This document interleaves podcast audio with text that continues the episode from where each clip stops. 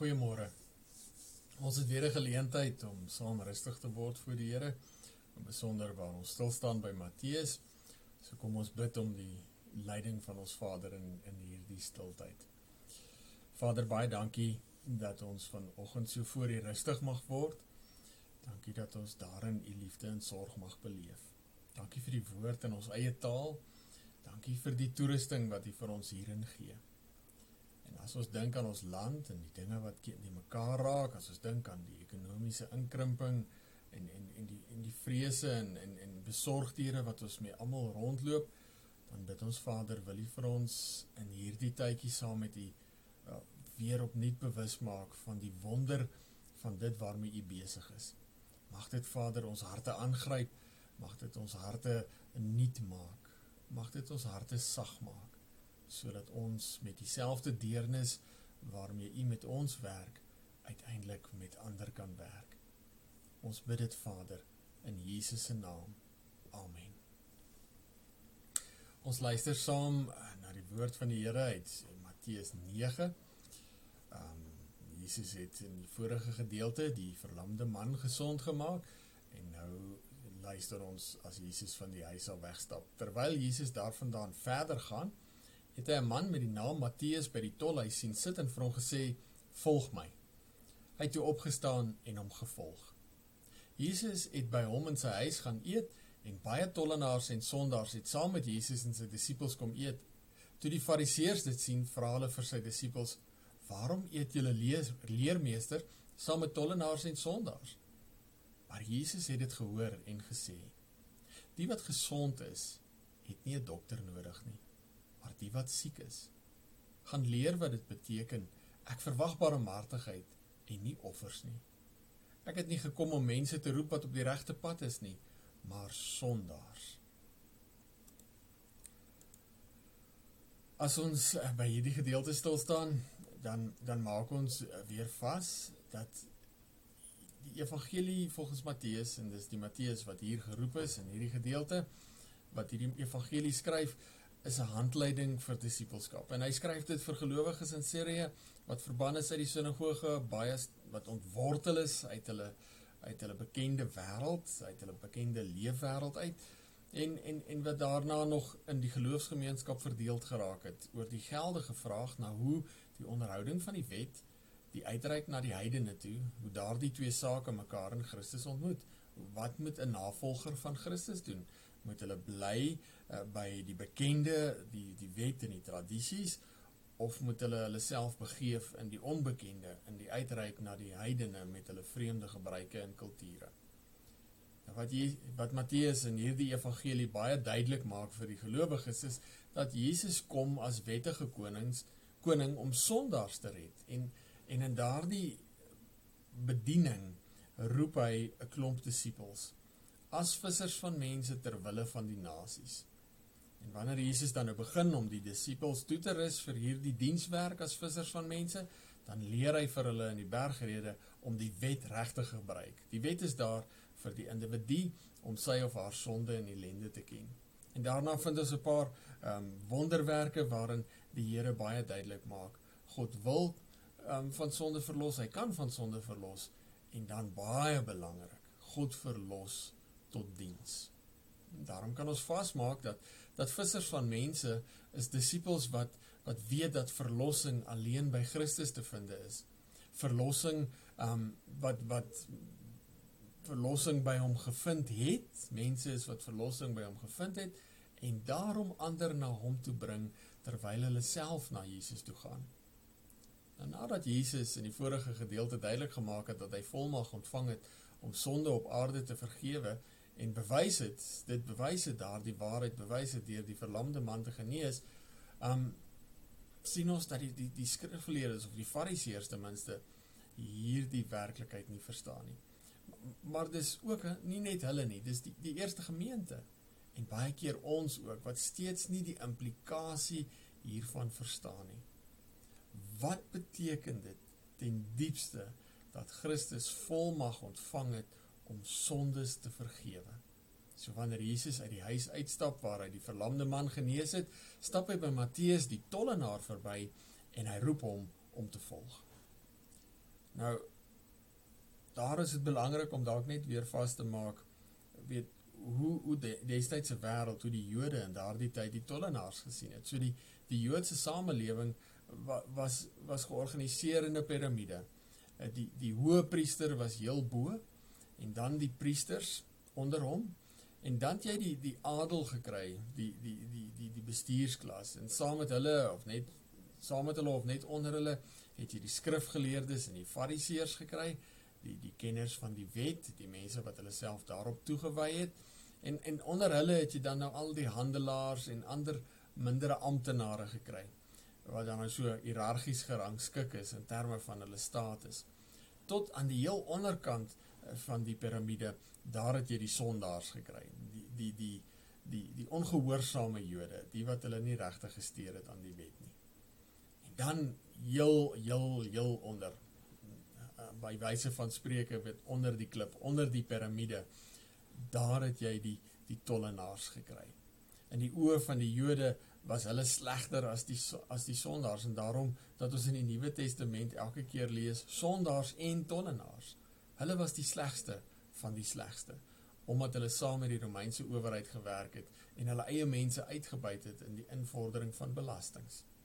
So wanneer Jesus van Matteus die tollenaar roep, dan dan is die Fariseërs ontsteld. Want in hulle denke is Matteus se sonde so erg dat hy eintlik ondiensbaar is in die koninkryk van God. Maar Jesus het gekom om sondaars te roep, om sondes te vergewe en daarom roep hy vir Matteus om te volg. Meer nog, Jesus roep hom nie net nie. Jesus gaan na Matteus se huis toe en hy gaan eet saam met hom. Hy gaan neem deel aan 'n feesmaal, aan 'n partytjie en baie sondaars en tollenaars kom eet daar saam met Jesus. Al die uitgeworpenes van daardie tyd. Die mense wat volgens die Fariseërs nie 'n katse kans gehad het om in die koninkryk van God in te kom nie. En hierdie ding, hierdie waarheid, hierdie ding wat gebeur, hierdie partytjie en Jesus wat as 'n rabbi, as 'n leermeester daar saam met die sondaars en die tollenaars sit, dit stuit die fariseërs teen die bors en hulle vra vir die disippels, "Maar hoekom eet hy saam met hierdie sondaars en tollenaars?" Nou Jesus hoor dit en dan antwoord Jesus hulle: As die wettige koning wat gekom het om sondaars te red, antwoord hy hulle en hy sê vir hulle die wat gesond is, het nie 'n dokter nodig nie, maar die wat siek is wel. Nou die fariseërs het gemeen dat hulle verstaan die skrifte. Hulle was immers kenners in die uitlê en in die onderhouding van die wet en profete. Maar Jesus stuur hulle terug na die skrifte. Gaan leer wat dit beteken ek verwag barmhartigheid en nie offers nie buiten vir die ontsteltenis wat dit um, hierdie oproep van Jesus vir die Fariseërs veroorsaak het het hierdie oproep ook die eerste gemeente tot stilstand en nadenke geruk. Jesus haal in hierdie gedeelte 'n profesie uit Hosea aan. Um Hosea het uh, in die noordelike ryk na die die ryk geskeur het, na Salomo het het Hosea in die noordelike ryk uh, by die 10 stamme as profeet opgetree en die en die volk teruggeroep tot getrouheid aan God. Nou ons ons hoor um, Hosea in in Hosea hierdie baie besondere uitspraak en ons luister daarna Hosea 5 daarvan af vers 15 tot 6 vers 7 as jy graag wil volg. Hosea skryf daar in Hosea 5 uh, oor ons die Here sê in Hosea 5 vers 15 ek gaan my in my woonplek terugtrek totdat hulle hulle skuld bely en dis dan nou Israel die 10 stamme ryk totdat hulle hulle skuld bely en vra na my wil. In hulle nood sal hulle my om hulp vra en dan verwoord die Here iets van die volk se gesindheid vanaf vers 6 vanaf hoofstuk 6 kom ons gaan terug na die Here want hy het ons verskeer maar sal ons weer gesond maak Hy het ons geslaan, maar sal ons weer sal weer ons wonde verbind. Hy sal na 2 dae 'n nuwe lewe laat begin. Hy sal ons op die 3de dag weer krag gee sodat ons in sy teenwoordigheid kan leef. Kom ons wy ons aan hom toe. Kom ons streef daarna om ons aan die Here toe te wy. Die Here sal verskyn, so seker as die son opkom. Hy sal na ons toe kom soos stortreën. Hy sal ons verkoop soos lentereëns die grond verkoop. Wat moet ek met jou doen, Efraim? Wat moet ek met jou doen, Juda? Julle liefde is soos 'n môrewolkie, dit verdwyn so vinnig soos dou. Dit is waarom ek julle met my profete gestrem het, julle met my woorde vernietig het. My straf oor julle kom so seker soos die lig, want ek verwag liefde eerder as offers, toewyding my aan my eerder as brandoffers. Julle het weer die verbond met my verbreek. Dis 'n aangrypende uitspraak van die Here aan die 10 stamme ryk. Nou wat gebeur het hier is dat die Here Israel keer op keer gewaarsku het oor hulle ontrouheid aan die verbond. En en ontrouheid nie noodwendig in die onderhouding van die tempeldiens of die die die die godsdienstige gebruike nie, maar ontrouheid in hulle alledaagse lewe. Waar die Here hulle geroep het tot 'n innige verhouding met hom, want dis wat 'n verbond is, het hulle keer op keer oorspelig afgedwaal tot tot die afgode van hulle tyd. Hulle het hulle rug op die Here gedraai en eerder besig geraak met die afgode van hulle tyd. En dan soos wat die Here in Levitikus 16 vir vir Israel gewaarsku het nadat hy hulle uit uit, uit Egipte uit weggevoer het, dan dan begin die swaar tye hulle inhaal. En keer op keer het die volk dan hulle tot God bekeer. Hulle het geweet wie die Here was en wat hy doen. En daarom sê die volk Kom ons gaan terug na die Here. Hy sal ons weer gesond maak. Hy sal ons wonde verbind. En daarin eh, in hierdie gedeelte die mooi profetiese uitspraak wat uiteindelik op Jesus betrekking het. Hy sal ons na 2 dae 'n nuwe lewe eh, laat begin en op die derde dag weer krag gee sodat ons in sy teenwoordigheid kan leef. Die Here sou dit uiteindelik in Jesus volbring. Maar die punt hier is dat dat dat die die volk in in in in in Hosea se tyd genoeg van die Here geweet het om te weet wat hulle moet doen wanneer dinge swaar raak. Kom ons wy onsself aan die Here toe. Kom ons streef daarna om ons aan hom te wy want die Here sal verskyn so seker as wat die son opkom. Hy sal ons verklik verkoop soos lente reën die grond verkoop. Maar dan hoor ons hierdie moedelose uitspraak van die Here. Wat moet ek met jou doen, Efraim? Wat moet ek met jou doen, Juda? Julle liefde is soos 'n môrewolkie. Dit verdwyn so vinnig soos die dou. Die volk het keer op keer die verbond verbreek. Hulle was ontrou in die innige verhouding waartoe God hulle geroep het. En wanneer dinge van wie hulle sondige ongehoorsaamheid begin swaar gaan het, dan het hulle hulle tot God bekeer. Hulle het na die tempel toe gegaan, hulle het die voorgeskrewe offers gebring, hulle die diens in stand gehou. Maar elke keer as dinge beter begin raak het, dan het hulle weggedraai van God af en agter die afgode van hulle tyd aangeloop. Nou hulle sondige ongehoorsaamheid het uiteindelik sigbaar geword in die manier waarop hulle die weduwees en die weeses, die armes en die vreemdelinge behandel het. Op die manier waarop hulle die geringstes onder hulle in hulle alledaagse lewe behandel het. En gaan lees die die die profete in die Ou Testament. Die Here moet keer op keer die volk hieroor waarsku vir Israel en vir Juda. Die die die kort en die lank was wat dat die barmhartigheid en liefde wat God gegee het, nie deurgevloei het na hulle alledaagse lewe en die mense om hulle nie. En daarom sê die Here vir hulle het hy hulle bestraf um, deur sy profete en het sy woorde hulle vernietig. Hy het hard met hulle gepraat. En daarom dat die Here ook uiteindelik sê kom sy straf oor hulle so seker as die lig want God verwag liefde eerder as offers toewyding eerder as brandoffers. Want Israel het keer op keer die innige verhouding waarvoor God hulle uit Egipte uit verlos het verbreek. Hulle het nie naby hom bly leef en saam met hom bly werk nie. En daarom het die Here sy oordeel oor hulle voltrek en Israel is deur die Assiriërs in ballingskap weggevoer om uiteindelik tussen die nasies weg te raak. Hieraan herinner Jesus die Fariseërs. Later in Matteus 23 hoor ons wanneer Jesus hulle waarsku, uitdruklik waarsku en sê elende wag vir julle skrifgeleerdes en Fariseërs, hygelaars.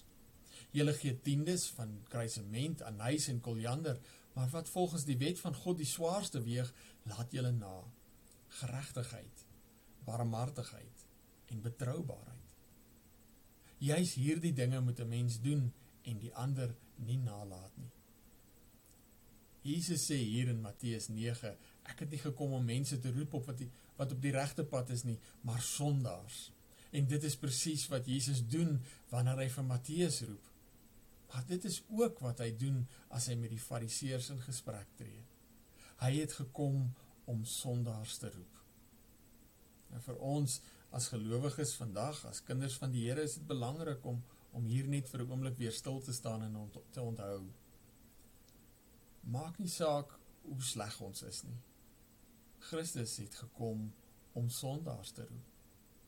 En daarom roep hy ons. Nie omdat ons goed of oulik is nie. Nie omdat ons dalk aan in die een opsig mag dink dat ons beter is as die skrifgeleerdes en die fariseërs wat hygelaars was nie of aan die ander kant dat ons dalk beter is as die sondaars en die tollenaars nie. Maar selfs en dalk juis as ons besef dat ons sondig en ellendig is, daarin dan die genade dat Christus kom om ons te roep, want dit is waarvoor hy gekom het. Hy het gekom om sondaars te roep. En dit is wat die eerste gemeente vir 'n oomblik uit die oog verloor het. Die gesprek oor hoe die onderhouding van die wet en tradisies die uitreik na die heidene mekaar in Christus ontmoet het, was 'n geldige vraag. Maar dit raak 'n baie slegte vraag as jy daar vasval. Jesus het gekom om sondaars te roep. En hy roep sy disippels om as vissers van mense dieselfde te doen, om sondaars te roep, selfs die tollenaars. Die eerste gemeente het uiteindelik hierdie oproep ter harte geneem en gedoen wat gedoen moes word in hulle navolging van Christus. Hulle is die gemeente wat afvaardiging na Jerusalem toe stuur en die eerste groot kerklike vergadering belê om om om die saak oor die wet by te lê en te besluit wat hulle gaan doen. Hulle stuur die eerste keer vrywillig sendelinge uit en dis aan in Antiochië hoor ons in Handelinge dat gelowiges die eerste keer Christene genoem is. Christene omdat hulle Christus nougeset nagevolg het. Daardie selfde oproep rig Christus deur sy woord ook tot ons. Ons vandag wat hier in Bethel bly, gaan leer wat dit beteken ek verwag barmhartigheid en nie offers nie. Ons maak ook baie keer soos Israel van ouds. As dinge moeilik raak, dan bekeer ons ons. Ons begin Bybel lees en bid en ons gaan kerk toe. Maar dan as dinge beter raak, dan draai ons weer weg van die Here af. Dan raak ons weer eenoogig besig met ons eie dinge. Ons sloof ons af weer af uh, vir die afgode van ons tyd. Later dan kom 'n mens by 'n plek wat ons duidelik erken in ons wêreld vandag dat daar nie 'n noemenswaardige verskil is tussen gelowiges in die kerk en en en die en die ongelowiges daar buite nie. Ons begin naderhand soos die wêreld om ons leef en doen. Ons liefde vir God is ook baie keer soos 'n môrewolkie. Wanneer ons hierdie dinge hoor en sê, dan beteken dit nie dat ons nie moet bid nie, nie moet Bybel lees nie of nie moet kerk toe gaan nie. Ons moet. Maar navolging van Christus gaan oor meer. Dit gaan oor geregtigheid en barmhartigheid en betroubaarheid. Jesus sê dit weeg die swaarste en daarop moet ons onsself toelê en die ander dinge nie nalat nie. Ons leef vandag hier in Bethel omdat die Here ons roep om vissers van mense te wees. Vissers van mense wat vandag in hierdie tyd, in hierdie plek sondaars roep. En die vraag sal wees, wat maak dat ons baie keer hiermee sukkel? Hoekom doen ons dit nie? En twee dinge strem ons, twee dinge hinder ons as ons as vissers van mense ons roeping wil uitleef. Die eerste is dit wat ons in die dagstukkies daar waar ons by Abraham stil gestaan het raak sien. Ons is soms gewoon net te vasgevang in ons gemaklike lewe, in 'n gemaklike alledaagse lewe, soos Abraham in Haran, waar dit regtig met hom goed gegaan het en hy hy regtig ryk geword het, Um, hy kon baie slawe aanskaf. En dan leef ons met die misplaaste idee dat die Here nie wil hê dat ons ongemaklik moet wees nie. Die Here roep vir Abraham uit sy gemaklike lewe uit na 'n onbekende omgewing en na onbekende mense toe. Jesus doen uiteindelik dieselfde wanneer hy sy disippels stuur om disippels van al die nasies te maak. Vir die Here weeg sy uitreik na die nasies baie swaarder as ons gemaak. En daarin is dit vir ons belangrik om dalk vir oomblik net weer vas te maak. Die Here roep ons na 'n ongemaklike plek in ons eie lewe. Na 'n plek waar ons met vrymoedigheid uitreik na ander, na die onbekendes. Want God is besig om te soek en te red wat verlore is.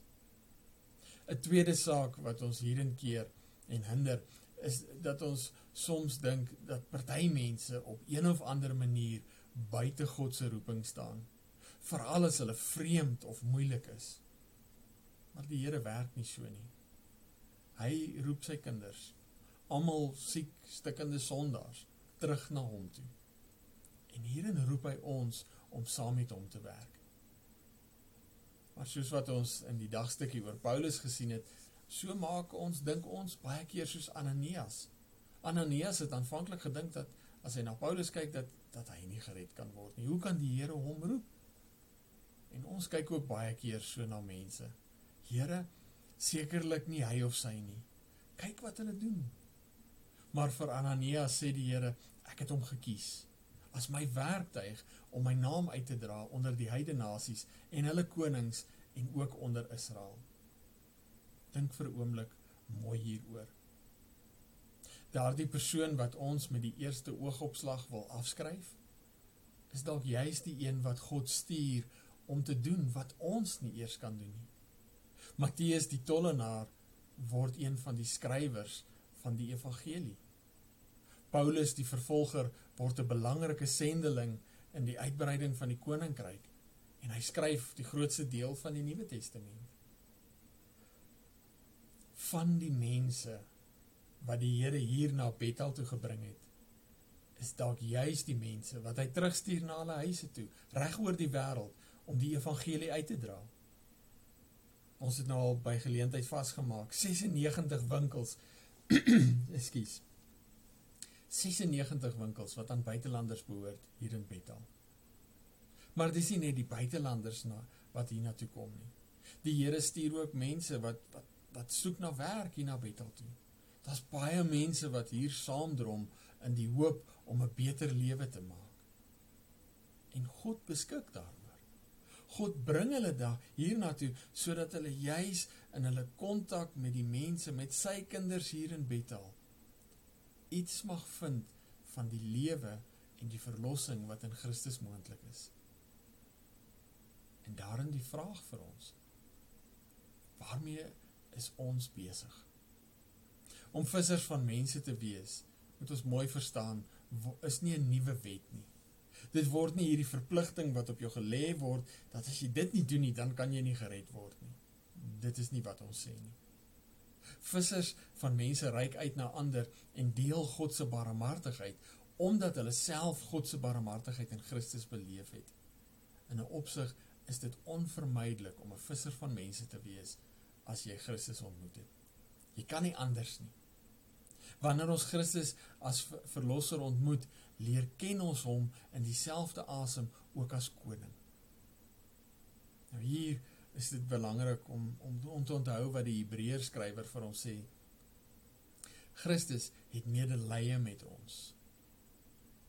Hy tree met ons op in deernis. En daardie liefde en deernis eh, van God in Christus roep op sy beurt weer liefde en deernis op in ons verhouding met God en in ons verhouding met ander. In ons verhouding met God kom ons by 'n plek waar ons as navolgers nie dinge wil doen wat God se hart seermaak nie en aan die ander kant juis die dinge wil doen wat sy hart bly maak. En daarom hierdie werklikheid wat Paulus aangrypend beskryf in 2 Korintiërs dat die liefde van Christus ons dring omdat ons tot die besef gekom het dat een vir almal gesterf het. God het die wêreld in Christus met homself versoen en daardie versoening het hy aan ons toevertrou. En daarom gedring deur die deur God se liefde en deernis, reik ons as vissers van mense in deernis uit na ander en roep hulle terug na God toe. Wie is daardie mense wat die Here in jou in jou lewe op jou hart lê? Wie is daardie mense wat hy oor jou pad bring? Of daardie mense wat dalk in jou eie lewe, in jou familie, in jou vriendekring, in jou werksomgewing al lankal deel is van jou lewe. Wie is daardie mense wat die Here op jou hart lê? Daardie mense wat jy voel as jy na hulle kyk nie gered kan word nie. Dalk op 'n manier buite God se se roeping staan. Vanoggend kom roep die Here ons om weer met nuwe oë te kyk na daardie mense. Die mense in ons eie persoonlike lewe wat wat ons sien as nie naby God nie. Die mense in ons eie omgewing, daardie vreemdelinge wat God hiernatoe gebring het. Wat vir ons so vreemd is, waaroor ons baie keer dink, maar hoe hoe sal ek hoe genaamd iets van die evangelie aan hom of haar kan verkondig? Die Here roep ons om vanoggend weer nie te kyk na daardie omstandighede, na daardie mense, om weer vir 'n oomblik te dink oor die waarheid dat God vra om barmhartigheid en nie offers nie. Wie is daardie mense? Begin bid vir hulle. Bid en praat met die Here oor hulle. Een van die mooi beginsels as ons praat oor sending en uitreik is dat ons praat eers met God oor mense voordat ons met mense oor God praat. Praat met die Here oor daardie mense wat hy op jou hart lê. Praat met die Here soos wat Ananias met Jesus praat wanneer Jesus hom roep om na Paulus toe te gaan. Maar hê dan 'n oop hart en gemoed. En as die Here iemand op jou hart lê, gaan in gehoorsaamheid. Kom ons vergoedmoedig ons hierin voor die Here as individue maar ook as gemeente self. Saam, kom ons kom ons begin bid vir ons land, vir die mense in hierdie land, maar ook vir daardie mense wat die Here op ons hart lê. Kom ons begin as vissers van mense uitreik en terugroep. Amen. As jy enige vrae het oor dit waarby ons stil gestaan het vanoggend, is jy welkom om vir my te WhatsApp. Praat die antwoord graag enige vrae. Kom ons sê dankie.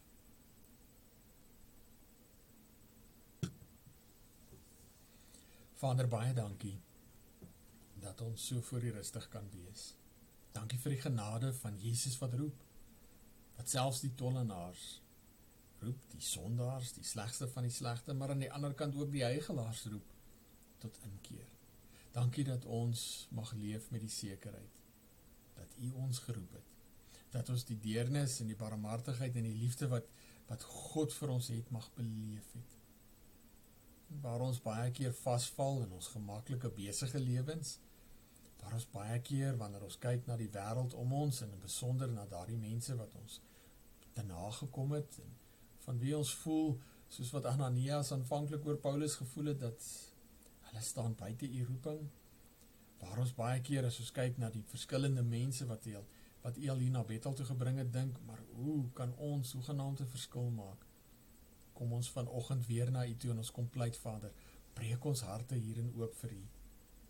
Wil u vir ons wanneer ons hierdie vraag oordink dat u barmhartigheid vra nie offers nie wil u vir ons innig bewus maak van die leiding en die werking van die Gees daarin wil u vir ons hierin 'n perspektief gee 'n gesonde perspektief, u perspektief gee dat ons met nuwe oë kan kyk na die mense om ons.